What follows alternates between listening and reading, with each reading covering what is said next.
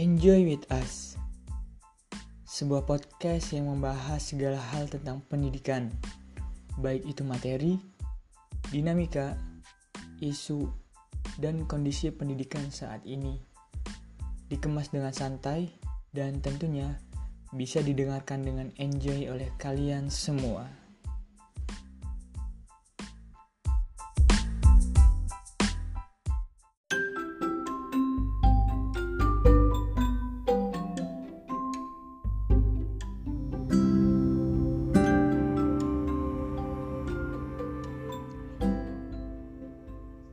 Halo semuanya, selamat datang di podcast Enjoy with Us.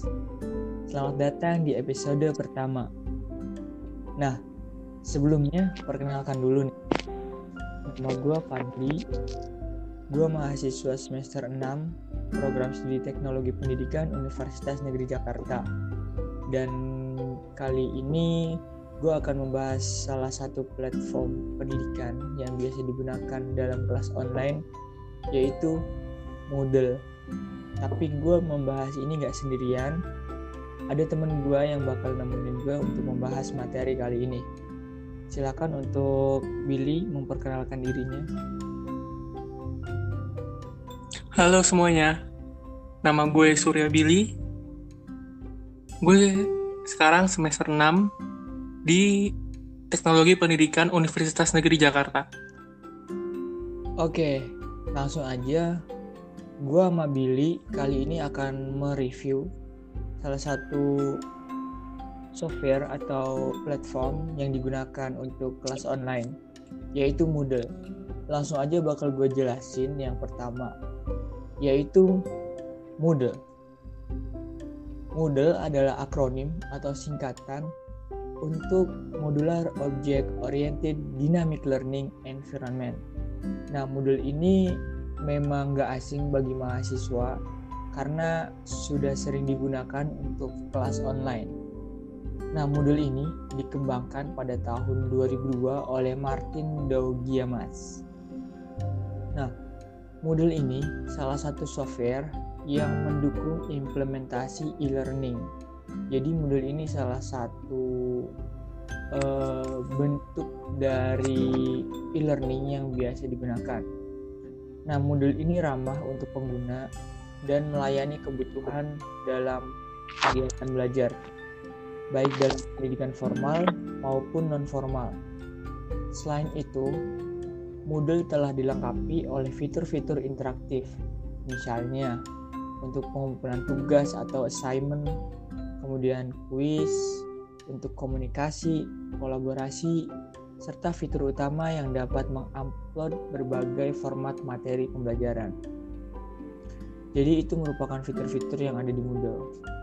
Kemudian sebagai platform yang berpusat pada peserta didik, Moodle ini dikembangkan berdasarkan prinsip pedagogis dengan teknologi yang menyediakan pembelajaran berbasis online di lingkungan yang dipersonalisasi Model ini mendorong interaksi, inquiry, dan kolaborasi antar antar pendidik atau pelatih yang dapat membuat dan memberikan kelas pembelajaran online bagi peserta didiknya.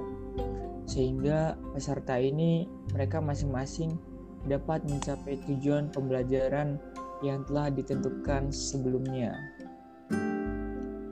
Moodle sendiri dapat digunakan untuk blended learning. Nah, perlu kalian ketahui, blended learning merupakan salah satu metode pembelajaran di mana ada tatap muka, ada juga kelas online, jadi bisa setengah-setengah gitu. Nah, selain itu ada juga pendidikan jarak jauh, flip classroom, dan juga project-project e-learning lainnya, baik di sekolah, di kampus, di perusahaan, atau di lembaga lainnya. Nah, model ini termasuk ke dalam LMS. Apa itu LMS? LMS merupakan Learning Management System, sebutan atau istilah dalam sistem komputer yang dikembangkan secara khusus untuk mengelola pembelajaran online, mendistribusikan materi pelajaran dan memungkinkan kolaborasi antara pembelajar dan pembelajaran dan pembelajar itu maksud gua. Nah, selanjutnya bakal dibahas oleh temen gua yaitu Billy.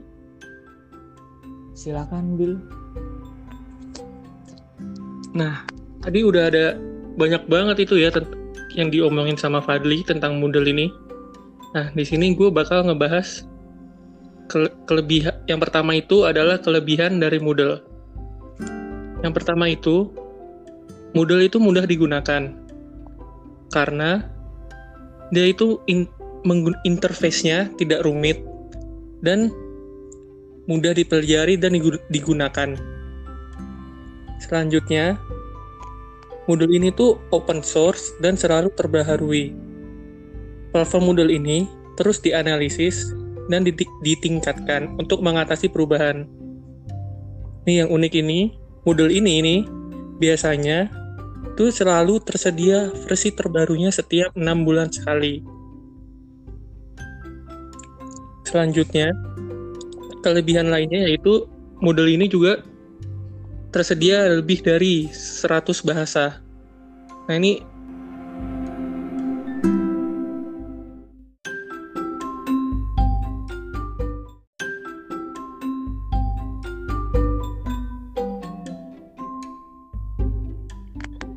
Selanjutnya, model ini tersedia dalam 100 bahasa, yang membuatnya mudah disesuaikan dengan kebutuhan pengguna dalam pembelajaran. Selanjutnya, model ini termasuk dalam platform pembelajaran all-in-one, di mana model dapat di dikonfigurasi sesuai keinginan. Bisa untuk mendukung blended learning atau misalnya memang full pembelajaran online. Selain itu, model ini juga dapat dimodifikasi sehingga sangat fleksibel dan juga kayak fitur. Selain itu, tersedia juga ratusan plugin model yang, memung yang memungkinkan kita untuk mengonfigurasi model sehingga ber berkinerja seperti apa yang kita inginkan. Kemudian, kelebihan lainnya yaitu model ini kuat, private, dan aman. Moodle memiliki fitur keamanan informasi yang solid yang juga diper, diperbaharui secara berkala. Secara berkala untuk memastikan perlindungan yang kuat untuk melawan akses-akses ilegal dan mencegah penipuan, penggunaan, dan kehilangan data. Nah, terakhir, kelebihan dari Moodle yaitu Moodle ini dapat digunakan di perangkat apa pun, bisa diakses kapan aja dan di mana saja. Ini juga kompatibel dengan browser dan perangkat akses apa pun, mau itu komputer ataupun handphone yang bisa kita bawa ke mana-mana. Nah, selain kelebihan dari Moodle, ada juga kelemahannya. Kelemahan yang pertama yaitu membutuhkan pemahaman yang lebih tentang sistem, karena banyaknya fungsi yang bisa dijalankan pada Moodle. Kemudian, perlunya tenaga ahli untuk membangun sistem e-learning. Nah, yang terakhir, kelemahannya yaitu membutuhkan biaya lebih karena ada beberapa fitur yang tidak bisa digunakan secara gratis atau free. Nah, di sini gue sama Fadli mengambil kesimpulan kalau misalnya Moodle itu merupakan learning management system secara online yang memungkinkan para, para pendidik untuk membuat kelas dinamis dengan memperluas pembelajaran kapan pun dan di mana pun.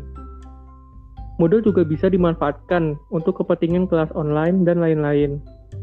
Moodle sendiri menawarkan banyak sekali kelebihan, sehingga calon pengguna banyak yang tertarik untuk memakainya. Oke, itu mungkin review dari gua sama Billy mengenai Moodle. Dan menurut gua Moodle itu sangat recommended untuk para dosen atau peserta didik kalau kita ingin menggunakan. Jadi nggak nggak harus 100% pakai Moodle atau 100% konvensional. Jadi kita bisa melakukan blended ya Bill setengah Moodle dan setengah laginya konvensional dan itu bisa ya efektif dan memaksimalkan tujuan pembelajaran. Betul. Sepertinya cukup untuk pembahasan di episode pertama ini mengenai review Moodle. Semoga dapat bermanfaat untuk kalian semua yang mendengarkan dan sampai jumpa di episode selanjutnya.